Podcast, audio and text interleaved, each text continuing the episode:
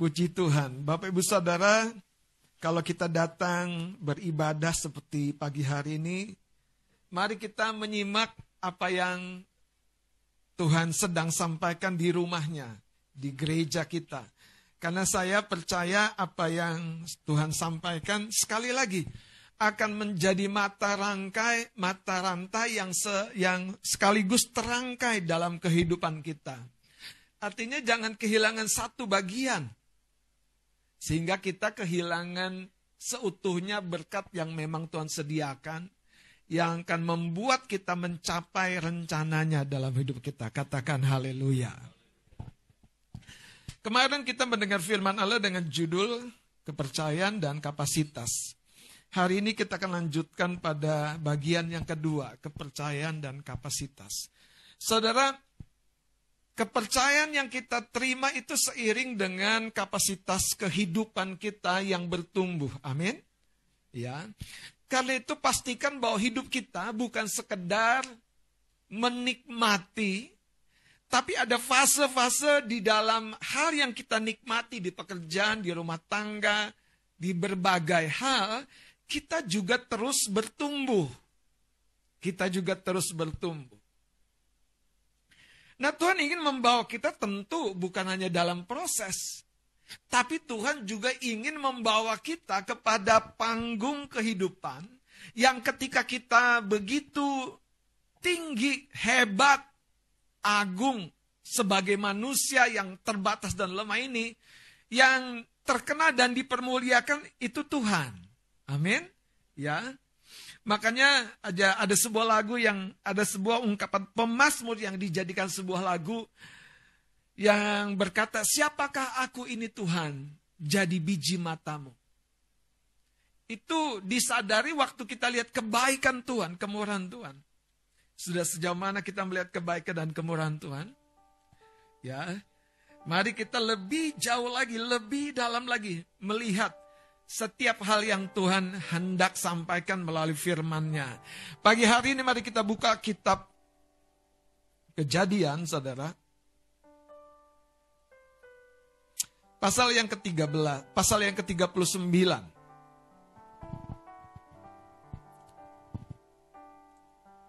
Pasal 39 ayat yang pertama dan kedua. Kejadian 39 ayat yang pertama dan kedua kita akan baca bersama-sama 2 3. Yusuf di rumah Potifar. Adapun Yusuf telah dibawa ke Mesir dan Potifar seorang Mesir, pegawai istana Firaun, kepala pengawal raja, membeli dia dari tangan orang Ismail yang telah membawa dia ke situ. Tetapi Tuhan menyertai Yusuf sehingga ia menjadi seorang yang selalu berhasil dalam pekerjaannya. Maka tinggallah ia di rumah tuannya orang Mesir itu. Saudara, sejak kita percaya kepada Tuhan Yesus, Tuhan selalu menyertai kita. Masalahnya terkadang kita berdoa minta penyertaan Tuhan, karena situasi pikiran dan perasaan kita yang naik turun, naik turun, naik turun dan menilai hidup ini dari kacamata kita sendiri. Contohnya, kalau kita lagi misalnya ditipu atau rugi dalam bisnis atau mengalami kecelakaan, apa pikiran yang pertama muncul? Tuhan membiarkan kita. Tuhan tidak menyertai kita.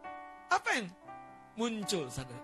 Bahkan ketika kita mengalami sakit penyakit, anak kita deh mungkin bukan kita.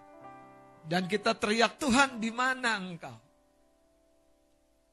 Atau mungkin saudara bisnis kita mandek, begitu-begitu aja, kayaknya nggak ada kemajuan nih. Aduh Tuhan, di mana ya engkau? Jadi saudara, yang pertama kita memahami konsepnya Tuhan, Tuhan menyertai kita bukan datang dan pergi. Kenapa? Karena Alkitab yang bilang dia tinggal di dalam di dalam kita. Dia bukan tinggal sebentar atau di dalam kita sebentar kemudian meninggalkan kita. Dia nggak ada di dalam kita. Dari sini kita tahu kenapa kita sepertinya tidak mengalami penyertaan Tuhan. Nah, sisi manusiawi kita ini menerjemahkan situasi-situasi yang kita alami sebagai sebuah pengalaman ditinggalkan atau dilupakan Tuhan.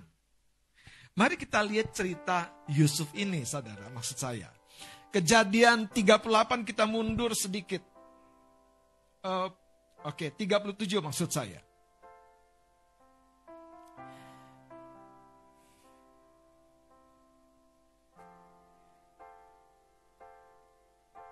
Kita akan langsung lihat, saudara.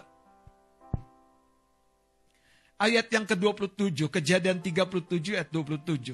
Ini cerita yang menjadi sebuah cerita yang menarik dalam kehidupan seorang yang dipakai Tuhan, disertai Tuhan, mendapat mimpi besar dari Tuhan.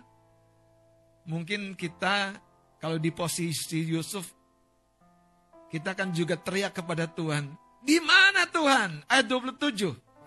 Mari kita akan baca sama-sama 23.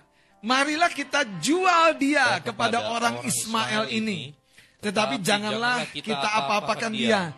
Karena ia saudara kita, darah daging kita, dan saudara-saudaranya mendengarkan perkataan itu. Ayat 28-nya. Ketika ada saudagar-saudagar Midian lewat, Yusuf diangkat ke atas dari dalam sumur itu, kemudian dijual kepada orang Ismail itu dengan harga 20 shikal perak. Lalu Yusuf dibawa mereka ke Mesir. Saudara peristiwa Yusuf dijebloskan ke dalam sumur saja oleh keluarganya itu merupakan kejadian yang tidak nyaman, tidak enak. Apalagi ketika dijual dan keluarganya menerima bayaran uang. Tapi nanti di sini rahasianya. Kenapa seseorang menjadi pribadi yang excellent dalam pekerjaannya? Karena dia menyadari dia adalah seorang hamba, budak. Mentalitas kerjanya, kalau budak tuh nggak bisa komplain. Beda dengan pegawai pada umumnya. Kalau udah gak nyaman, bisa ngomongin bosnya, bisa ngomongin temennya, bisa ngomongin ordernya, bisa ngomongin semuanya. Haleluya. Tapi kalau budak saudara yang dibeli hidupnya, tiba-tiba dia merasa nggak punya hak apa-apa dalam hidupnya selain melakukan perintah dan tugas yang diberikan, dipercayakan kepadanya. Oke. Saudara, waktu kemarin kita dengar firman, coba ada yang masih belum dengar firman minggu lalu? Saya sering bilang sekali lagi para guru sekolah minggu, jangan lupa nanti nggak nyimak. Atau mungkin gini saudara, waktu dengar firman kemarin, ada yang cuman keinget tentang perpuluhannya. Atau ada yang cuman keinget tentang apanya? Tentang Yusufnya. Atau ada yang keinget tentang apa? Hah? Tentang dimensi rohani. Sayangnya saudara, saya sampaikan dua bagian. Kita dihidup dalam dua dimensi, rohani dan jasmani. Makanya jangan sepotong-sepotong. Coba tepuk bawah kanan kirinya semua sadar supaya bangun. Jangan sepotong-sepotong.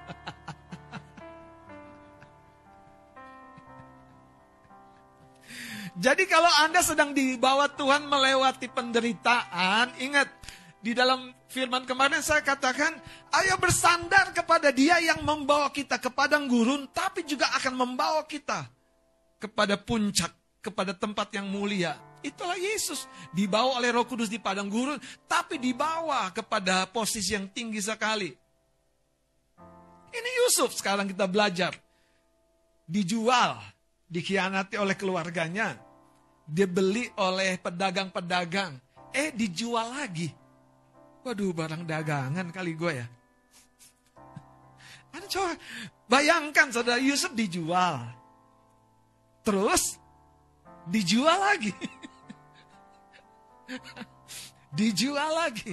Kira-kira kalau Anda di posisi Yusuf hancur gak harga diri Anda? Terkoyak gak perasaan pede Anda? Terus Anda doa selalu bertanya sama Tuhan, Tuhan kenapa hidupku tidak beruntung seperti ini?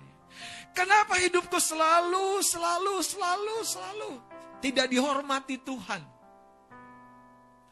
Kenapa hidupku kok kayaknya nggak ada kemajuan, saudara? Kemajuan yang Anda katakan tentang kemajuan, sering kali itu bukan kemajuan. Tapi kemajuan yang sebetulnya kemajuan adalah ketika Anda tahu Anda sedang menjalani satu proses Tuhan, dari satu anak tangga kepada anak tangga yang berikutnya. Makanya betapa Yusuf menjadi sukses, menjadi berhasil dalam tugasnya sebagai budak. Itu cukup lama. Cukup lama.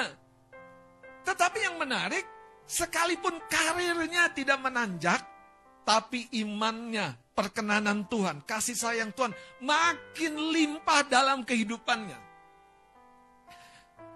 Anda tahu bahwa Yesus melayani, dia tampil baru melayani itu di usia 30 tahun. Pernah bayangkan nggak sih? Dari dia 12 tahun dicatat di Lukas pasal 2 sampai usia 30 tahun ngapain? Hah? Ngapain? Ngapain? Ngapain? Jalan-jalan? Traveling? Saudara, ini yang saya mau coba sampaikan. Kita harus menghayati bahwa semuanya itu dalam sebuah mata rantai yang saling terangkai. Peristiwa-peristiwa hidup kita tuh tidak ada yang terjadi tiba-tiba.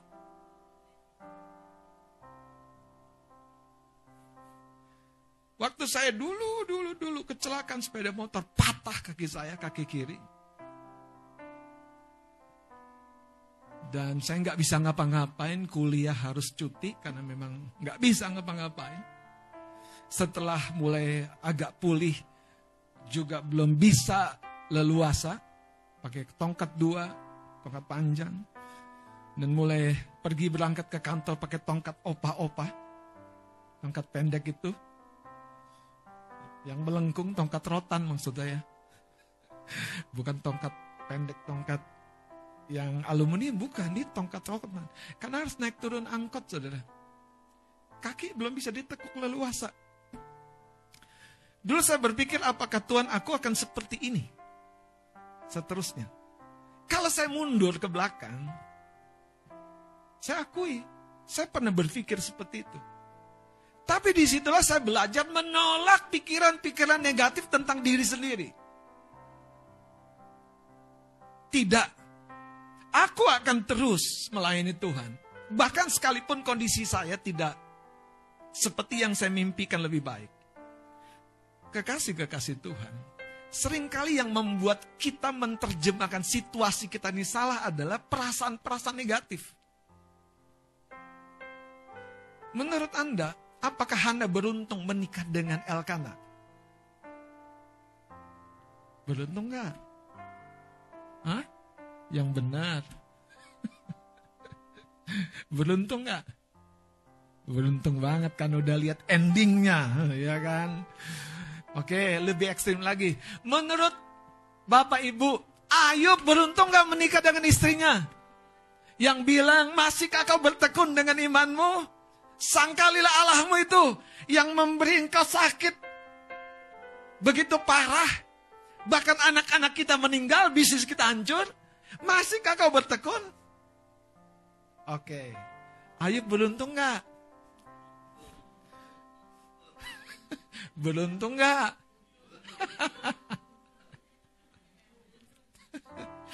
Jangan beruntung jadi buntung. Sebaliknya, sekalipun kelihatannya sekarang buntung, tetapi kita selalu beruntung. Karena Tuhan saudara, dia selalu membawa kita naik, naik, naik.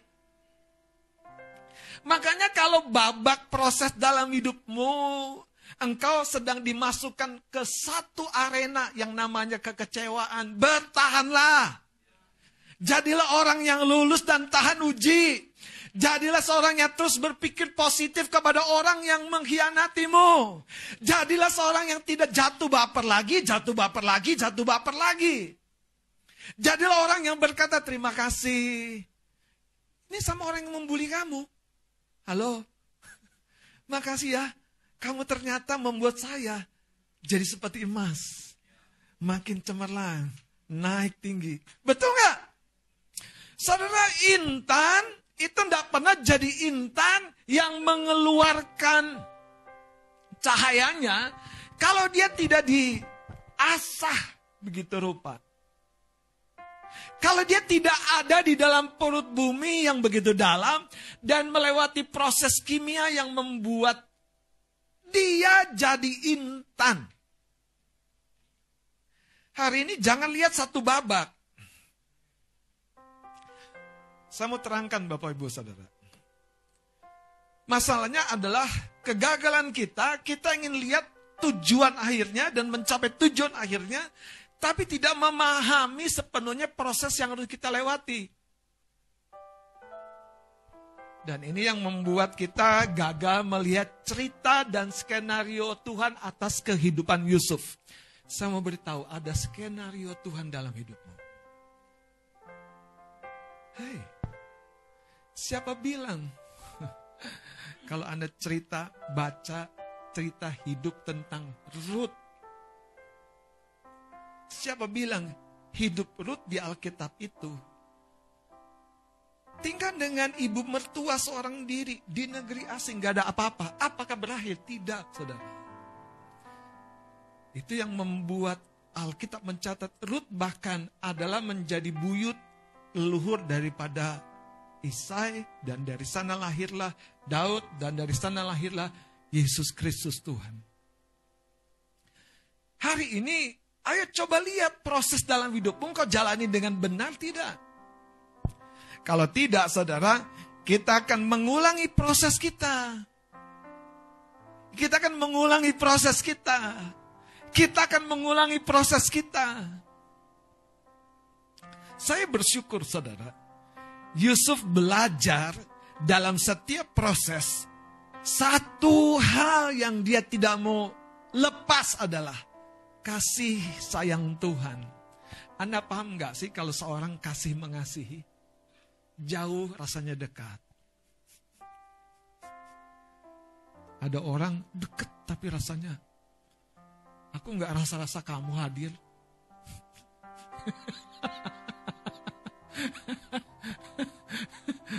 Makan-makan sendiri. Aku nggak rasa kamu hadir. Belanja, belanja sendiri. Ngomong anak, ngomong anak sendiri. Kecil. oh, oh, oh, oh. Iya kan? Ke dokter, ke dokter sendiri. Iya, bikin kopi sendiri.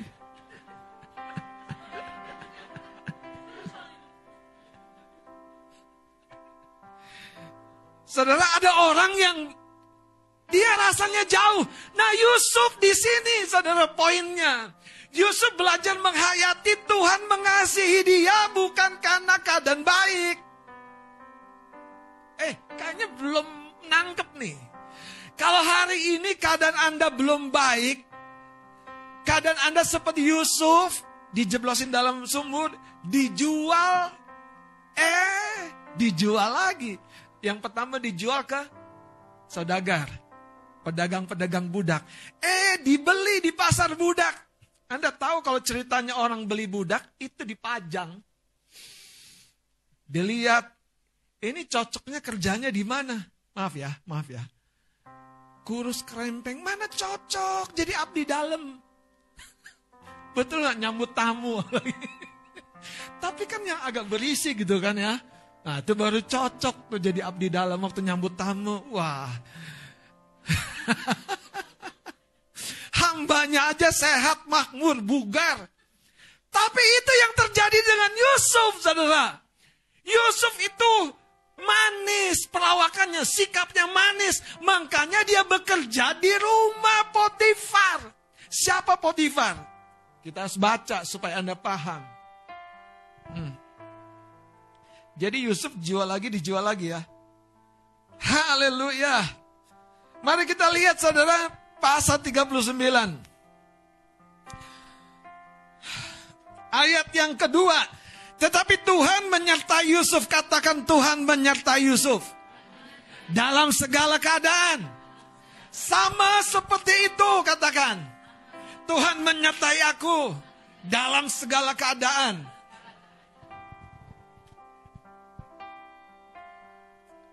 Lihat cerita ini saudara.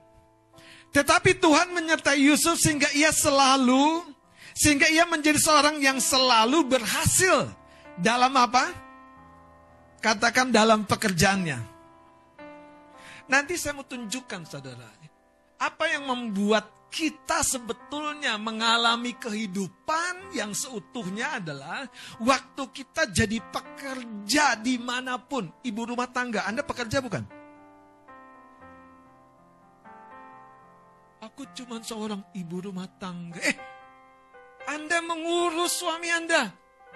Mengurus anak Anda. Mengaturnya. Kalau Allah kita bilang Anda tuh manajer di rumah.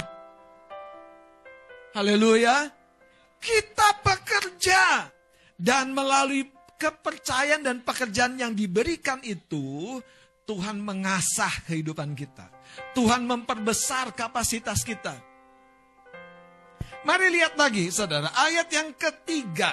Setelah dilihat oleh tuannya bahwa Yusuf disertai Tuhan dan bahwa Tuhan membuat berhasil segala sesuatu yang apa?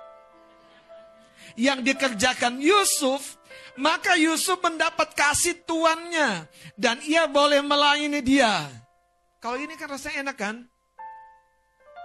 Yusuf jadi abdi dalam, boleh melayani tuannya itu Potifar, bahkan diberikan kuasa atas rumahnya dan segala milik miliknya diserahkan kepada kekuasaan Yusuf. Tapi proses pembentukan Tuhan ternyata belum berakhir. Dari cerita Yusuf difitnah oleh istrinya Potifar, kalau Anda sekali lagi, apa yang Anda akan bilang? Tuhan di mana kesetiaanmu? Tapi hari ini kita harus balikkan keadaan itu. Tuhan yang setia tidak bisa menjadi tidak setia kalau kita tidak setia. Tuhan yang setia tidak berubah-ubah. Dia tetap setia dalam segala keadaan hidup kita. Ini yang saya mau coba sampaikan. Apa yang membuat Yusuf jadi seorang yang betul-betul apa namanya? Established gitu. Jadi mapan. Jadi tidak tergoyahkan Yusuf dipercaya dan terus tumbuh dalam apa yang dipercayakan Tuhan. Kenapa? Karena sisi jiwanya itu di istilah saya ya, diizinkan Tuhan melewati waktu-waktu yang membuat dia tidak punya kesempatan untuk berpikir negatif tentang Tuhan.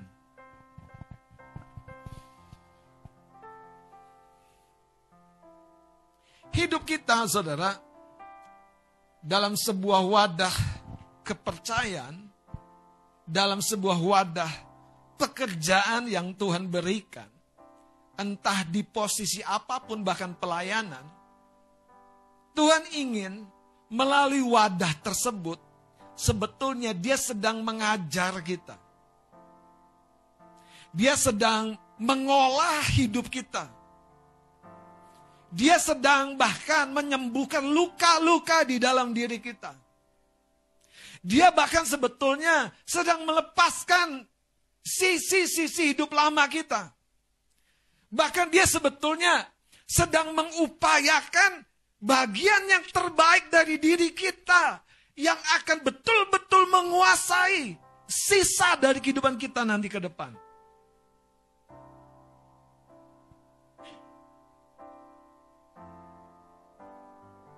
Katakan kepercayaan dan kapasitas.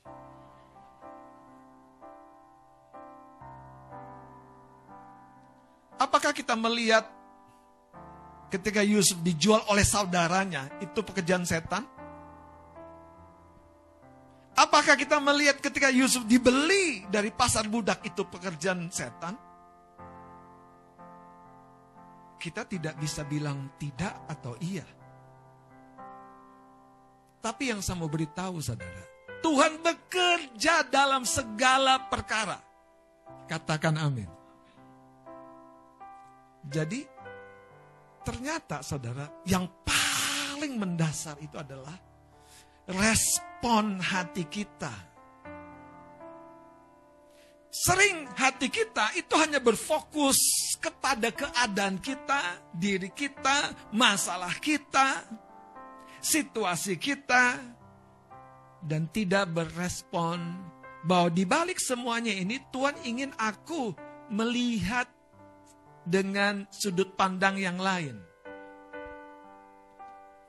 Ketika Elia diperintahkan Tuhan, berangkat kamu dari sungai Kerit, sungai yang dipakai Tuhan untuk memelihara nabi Tuhan itu.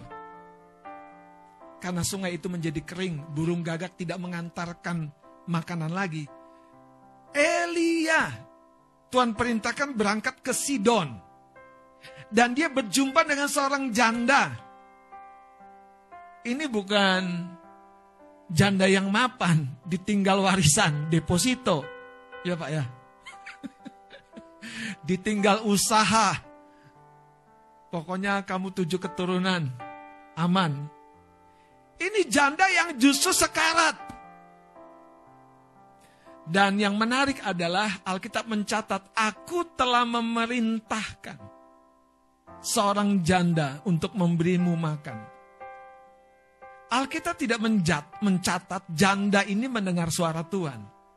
Alkitab mencatat janda ini sedang, ini adang dengar baik-baik ya, dengar baik-baik. Janda ini sedang mencari dua tiga potong kayu bakar untuk ngapain? Untuk ngapain? Untuk masak untuk ngapain? Untuk ngapain? Untuk memelihara keluarganya. Jadi janda ini sedang melakukan pekerjaannya dengan setia di situasi yang paling kritis. Tapi yang menarik, Tuhan bekerja. Itu yang saya coba Anda lihat. Bahwa tidak kebetulan janda ini sedang keluar dua tiga potong kayu dan mau masak sedikit tepung yang ada. Dan ketika berjumpa dengan Nabi Tuhan, coba apa yang Nabi Tuhan katakan? Buatkan aku sepotong roti bundar kecil.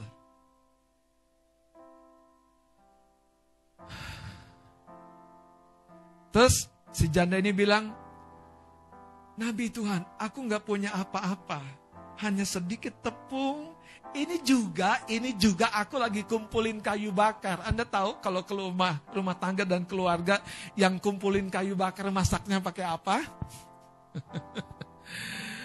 Itu saudara artinya ini keluarga sudah prasejahtera. Tapi orang yang setia dengan tugasnya untuk memelihara keluarganya sekalipun dia sendirian. Tuhan tidak pernah tinggal diam. Apalagi kalau Anda yang tidak sendirian. Apalagi Anda yang masih muda. Apalagi Anda yang masih punya kekuatan. Kenapa Anda merasa Anda paling tidak beruntung? Masalahnya adalah cara Anda menyikapi perasaan-perasaan negatif yang muncul. Janda ini tidak diam di rumah di tengah krisis itu. Janda ini mengambil langkah keluar mencari dua tiga potong kayu bakar untuk memasak sedikit. Sekalipun Alkitab mencatat sesudah itu aku akan mati. Tapi di tengah keadaan yang paling kritis itu Tuhan mengutus Nabi Elia untuk menerima pertolongan dari janda yang kritis itu. Nabi itu bilang, masakan buatlah lebih dahulu bagiku. Jadi itu yang saya bilang. Kita sering kali itu terpaku dengan diri kita. Itu yang membuat kapasitas kita tidak pernah tumbuh. Bangun pagi kalau Anda hanya berpikir nanti pakai baju apa, aku berangkat bagaimana, uh, makan aku udah siap belum ya? Itu yang membuat saudara nggak bisa jadi seperti Yusuf, diangkat tinggi. Karena Yusuf memikirkan satu bangsa. Waktu Yusuf diangkat dan dibawa ke hadapan Raja Fir'aun, itu usianya 30 tahun. Makanya saya suka bilang sama anak-anak muda, engkau yang menjelang usia 30. Menjelang atau menuju 30 itu masa proses dan pelatihan. Cari proses pelatihan, cari mentor yang paling keras buat hidup Anda. Benar. Kalau Anda ketemu mentor yang lembek, jadi maaf, jadi tahu Anda. Jadi tempe Anda. Itu kan ungkapan kan. Mental tempe. Betul nggak Bang Billy ya? Iya kan? Kok aku terus? Ini berat banget jadi pemimpin. Eh, Anda harus tahu. Waktu Daud dua tiga ekor kambing dombanya itu pelatihan yang paling keras. Anda paham? Kemarin kita belajar tentang kerecehan. Ini kita mau belajar tentang kerasnya pelatihan Tuhan. Benar. Kalau Anda cuma pengen yang lembek-lembek, dengerin saya. Jangankan ngadapin singa dan beruang. Ngadepin dirimu saja engkau nggak bisa. Ngadepin dirimu saja, ngadepin ngantukmu saja engkau nggak bisa. Ya, haleluya. Ngadepin nafsu makanmu saja nggak bisa. Haya.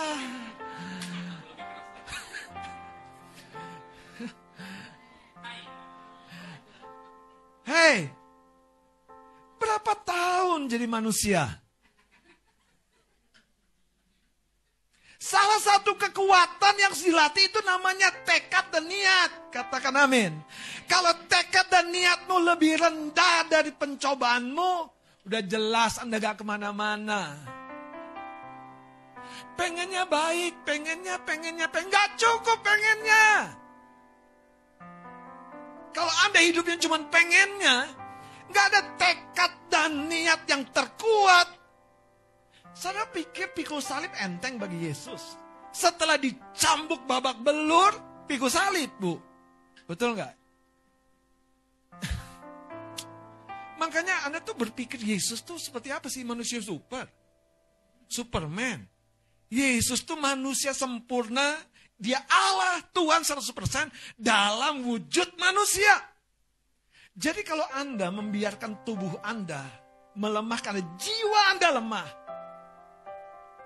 Gak heran. Gak ke mana-mana.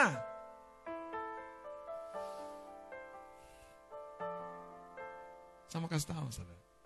Apa kehebatan Yusuf? Itu yang pertama. Itu di dalam hati dan jiwanya izinkan saya jadi pelatih Anda yang cukup keras di, di babak ini.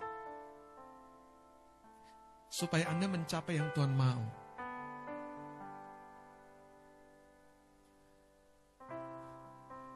Kalau selama ini, kalau khotbah kakak, serem. Khotbah ibu gembala, sadis. Tersayat-sayat. Tapi sekarang kenapa Pak Gembala ketularan ya?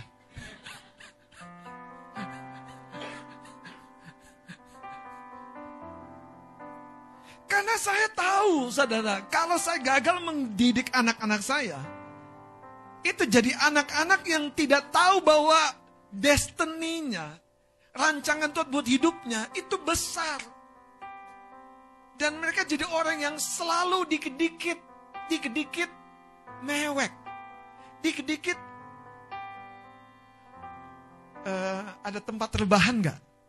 Jadi generasi rebahan.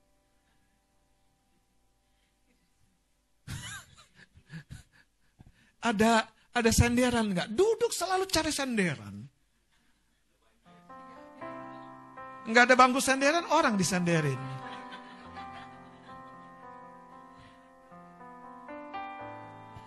Jadi orang yang justru berkata, aku bisa jadi sandaranmu. Asik. Asiknya kencang. Hati-hati.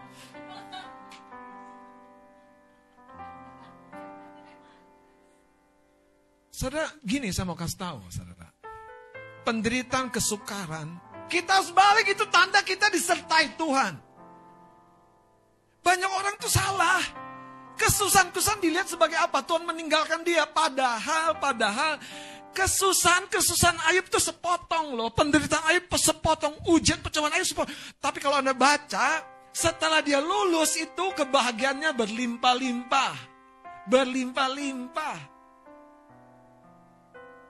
Ayo, Anda mau diuji seperti Ayub?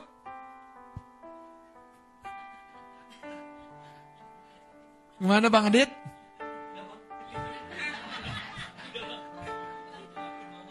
Gimana? Bang John? Mau diuji seperti Ayub? Coba kalau saya tanya, Anda mau diberkati seperti Ayub? Oh kan? Itu kan kelihatan sekali. Ya, pokoknya prosesnya Bapak Gembala. Bapak Gembala lah yang sakit seluruh tubuhnya.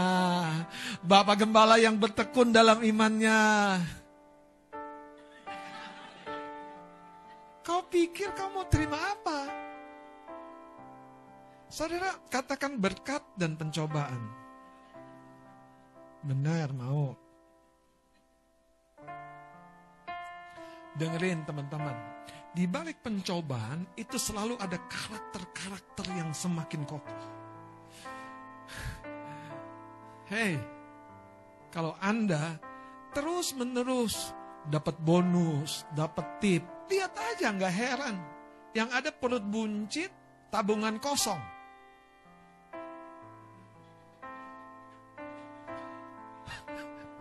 dapat bonus, dapat tip, ya kan, dapat kangtau, ya kan, dapat apa lagi? Yang ada dengerin saudara, ya kan, perut buncit, tabungan kosong, mikirannya pantai, ya kan, terus eh, kebun teh, Gak pernah mikirnya keringat. Aku mau kunjungin siapa nih lagi ada berkat nih? Gimana Tian? Adam ya? Haleluya. Jangan kalau diajak kunjungan sama ibu gembala. Sorry ibu gem.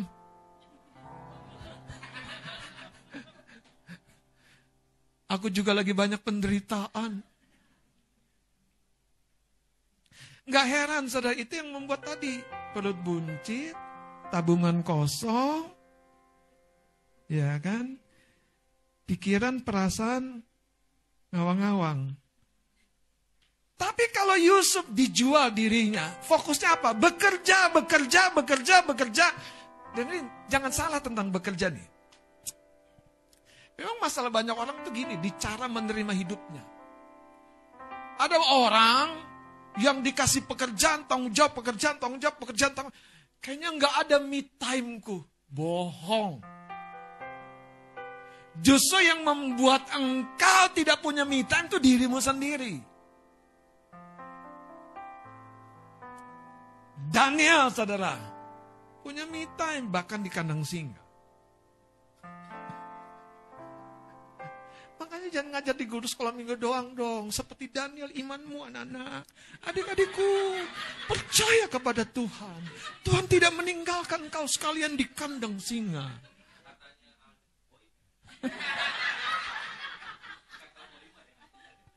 Ada tahu mitanya Daniel? Hei, mitanya Daniel itu di kandang singa. Dia bisa elus-elus. Lapar ya, Oh, oh. Singanya bingung. Tapi kamu kok nggak bisa aku gigit ya? Tutup lagi. Tutup lagi. Ya udah deh capek. Ada malaikat yang nyertai Daniel. Saudara dengan saya. Waktu dalam keadaan-keadaan paling kritis, Anda tahu.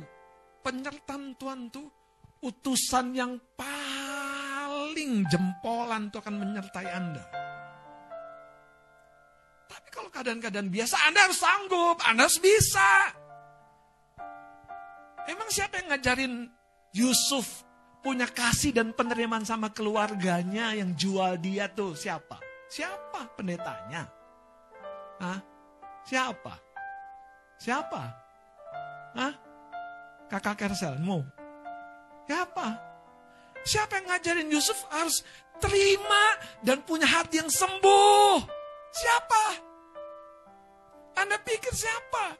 Yusuf punya komunitas. Hmm. Yusuf dijual, tinggal di negeri asing. Siapa? Makanya saya berdoa, kalau Anda sedang dilatih, izinkan saudara, kenapa? Yang melatihmu tuh tahu batas-batas hidupmu. Makanya Bapak Ibu, saya berdoa Tuhan akan mengembangkan hidupmu lebih hebat, lebih tinggi, lebih jauh. Berapa hari yang lalu saya ketemu dengan seorang anak Tuhan. Ngobrol punya ngobrol. Ini masalah usia. Apakah kita akan di satu jenis pekerjaan tersebut dengan usia yang sama? Enggak mungkin. Pada usia tertentu, jenis pekerjaan yang sekarang tidak bisa kita lakukan. Pertanyaannya, apakah Anda akan jadi orang pengangguran? Tergantung. Saya bilang begini, kalau Anda seorang tenaga pengajar, mulai berpikir Anda punya bimbingan, bimbel, mulai berpikir mempekerjakan anak-anak muda jadi tenaga pengajar. Kalau susah lisensinya buat sanggar. Sanggar nggak perlu izin, nggak perlu lisensi. Anda jadi manajernya, tenaga pengajarnya ada. Yang saya mau katakan, apalagi kalau pemikiran itu sudah muncul dari sejak engkau muda. Tapi sayangnya banyak orang, itu yang terjadi. Dia hanya melihat sebatas dirinya dan tidak melihat keluar apa mau Tuhan. Pada usia Yusuf 30 tahun, Anda kalau baca, Yusuf tuh bukan petatang petenteng, tapi Yusuf keluar seperti Ahok. Ini sungai macet tim orange, segera buat sungai ini lancar. Ini lihat jalan hancur, segera jalan ini buat jadi mulus. Ketika waktu dan batas yang dipercayakannya selesai, orang tidak memungkiri kerja keras seorang seperti Pak Ahok. Hidupmu tuh seperti itu. Akan ada batas waktu yang selesai, teman-teman. Anda yang dipercaya multimedia, Anda yang jadi asyir, Anda yang jadi pemusik, Anda jadi siapa pun. Jadi seorang yang bertumbuh, bertambah-tambah. Ini di gereja. Anda yang jadi seorang akuntan, Anda jadi seorang yang administrator, Anda jadi seorang guru. Ayo bertumbuh, bertambah-tambah. Masuki proses pelatihan yang terbaik. Yang terbaik, yang terbaik. Yang kau harus masuki. Kalau tidak, kita tidak akan ke mana-mana, saudara. Katakan haleluya. Ada siap menerima kepercayaan dari Tuhan? Jadilah orang yang terus mengizinkan Tuhan membentuk melat hidup kita. Buka pengkhotbah 9 ayat 10.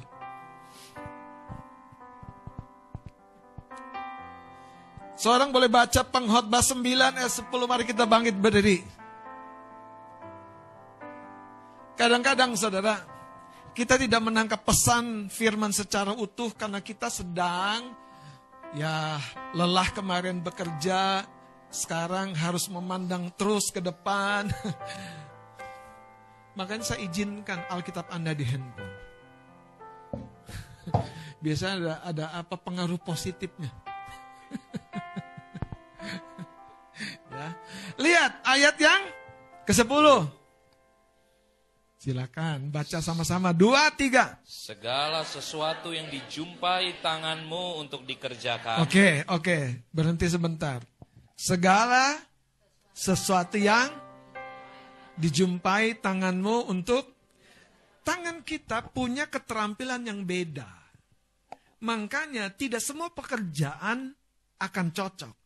Tapi segala sesuatu yang dijumpai oleh talentamu, oleh kecenderungan hatimu, oleh dorongan hasratmu. Terus apa? Untuk dikerjakan, lanjut. Kerjakan itu, itu sekuat tenaga. Jadi pakai, manfaatkan, gunakan sebaik-baiknya dengan segenap tenaga, sekuat tenaga. Artinya apa? Hiduplah maksimal. Jangan hidup saudara Anda ngerti nggak sih orang olahraga? Wah lagi semangat. Luar biasa olahraga. Capek nih badan pegel-pegel. Besok istirahat. Eh kelamaan istirahatnya. Terus olahraganya berguna nggak? Ya enggak. Terus badannya jadi sehat nggak? Kok tahu sih? Pengalamannya kayaknya rema banget. Sebentar lagi musim Zumba. Zumba.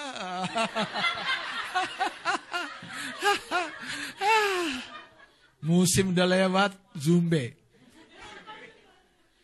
Makanya Anda punya pengertian ini nggak kerjakan, kerjakan, kerjakan, kerjakan.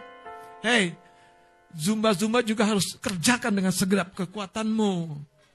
Jangan lagi sempet, doa lagi sempet, makan nggak bisa kan? Nggak ada makan lagi sempet kan? Nggak sempet aja makan kan? Napas gitu kan? Nggak sempet napas, siapa bilang? Coba lihat, kerjakan itu sekuat tenaga. Baca lagi karena Karena tak ada orang mati. Ke mana engkau akan pergi? Katakan haleluya. Silakan duduk Bapak Saudara, saya mau terangkan ayat ini. Orang berhikmat akan memandang dan memaknai hidup adalah bekerja. Hidup adalah bekerja.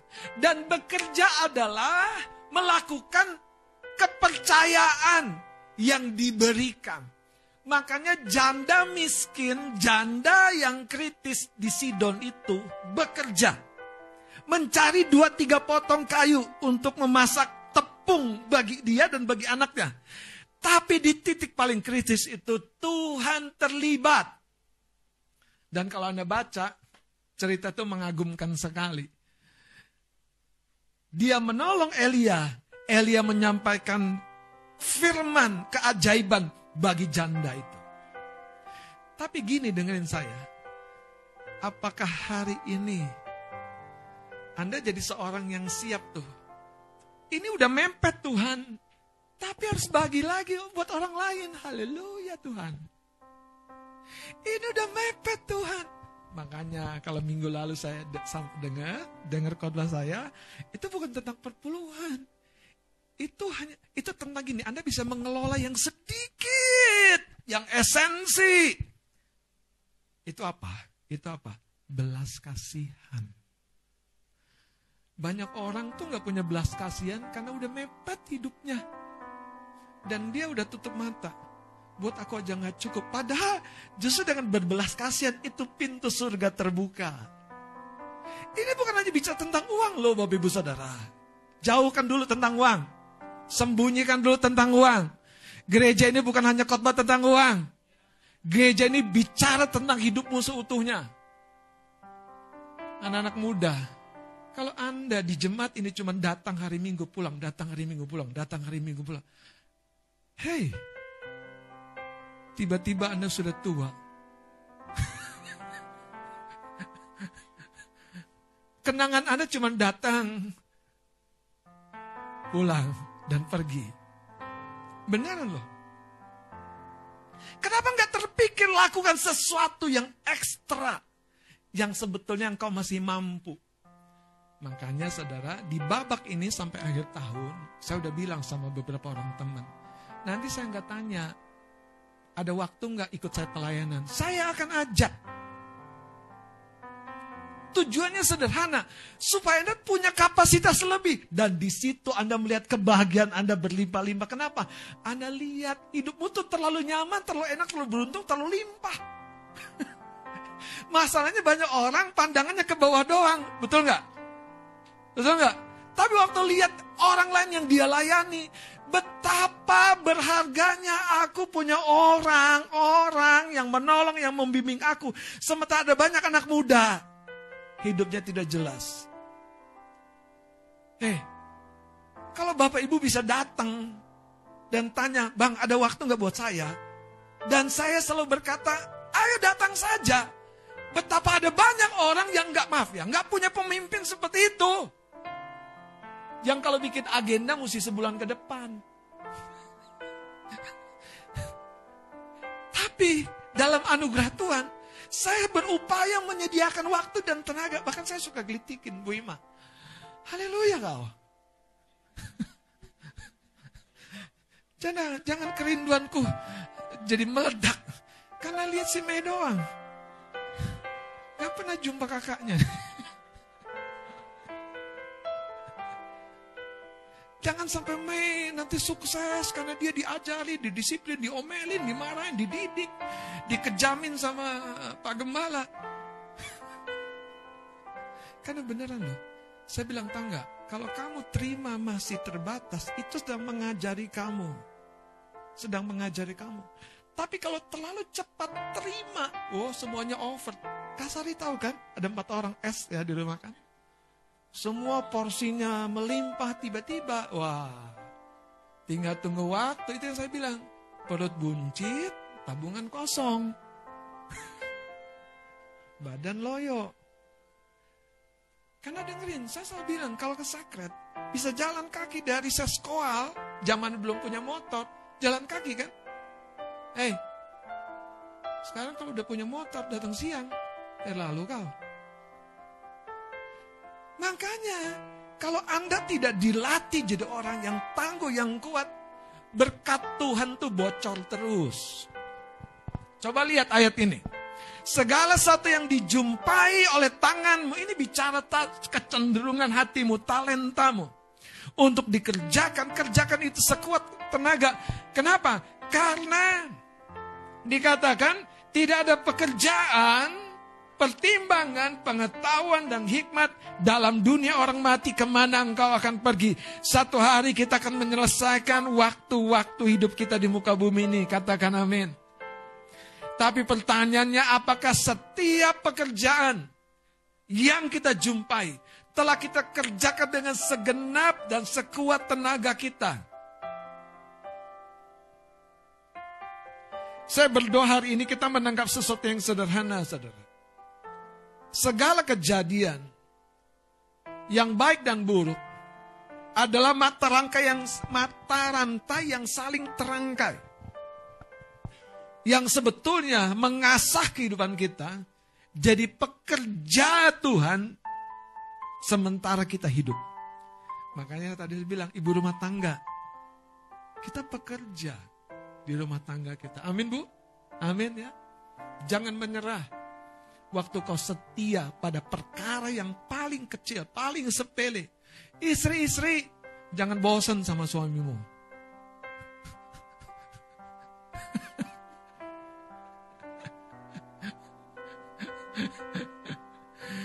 Tahu nggak? Kalau engkau setia dengan suamimu, Tuhan tuh ya, gini loh, perintahkan istri-istri untuk setia hormat, tunduk, bukan hanya kepada suami yang baik, ngasih ongkos, ngasih duit, ngasih pelukan bu, ngasih senyum. Dan di situlah ada berkatnya. Tapi sebaliknya suami-suami, Anda jangan lupa Anda punya tugas. Makanya hidup ini bekerja, melakukan kepercayaan. Betul. Betul saudara. Betul waktu Anda tidak melakukan tugasmu sebagai papa, tidak melakukan tugasmu sebagai anak, tidak melakukan tugasmu sebagai pegawai rendahan atau pegawai menengah dan pegawai tinggi, di situ sebetulnya kapasitas hidupmu tidak ke mana-mana. Karena dengan bekerja, hidup kita sedang bertambah-tambah dan sedang bertumbuh. Saya mau ajak Anda lihat satu bagian pada poin-poin yang terakhir kitab kejadian. Pasal yang ke-50.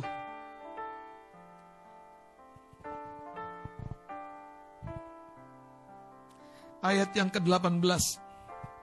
Hmm, dari ayat 17 dulu saya baca.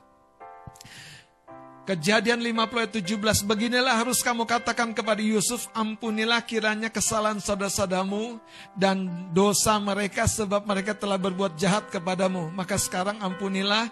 Jadi ini keluarga Yusuf, abang-abangnya Yusuf, memperkatakan perkataan yang mereka rencanakan sepertinya itu dari kata Yakub, yaitu bapaknya.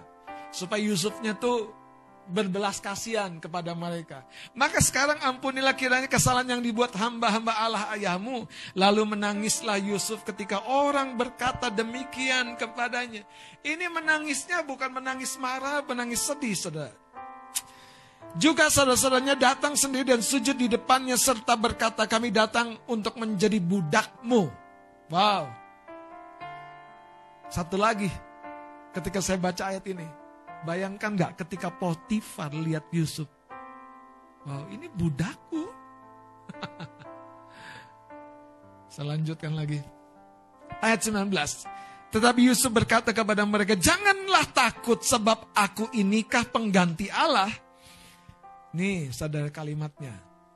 Memang kamu telah mereka-rekakan yang jahat terhadap aku. Tetapi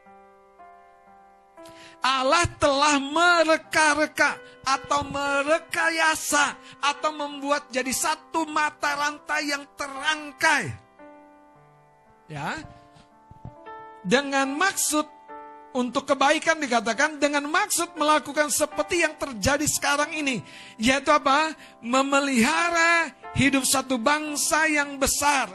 Jadi ayat 20 ini datang dari kesadaran Yusuf bahwa ternyata semua penderitaan itu adalah proses di mana dia sedang dibawa naik oleh Tuhan, diperbesar kapasitasnya dan dibuat kokoh Makanya Yusuf adalah seorang panutan, seorang teladan. Lihat bagaimana rumah tangganya, lihat bagaimana kepemimpinannya, lihat bagaimana pengaruh politiknya, lihat bagaimana hikmatnya, lihat bagaimana ketaatannya kepada Tuhan, lihat bagaimana berkat-berkat materinya.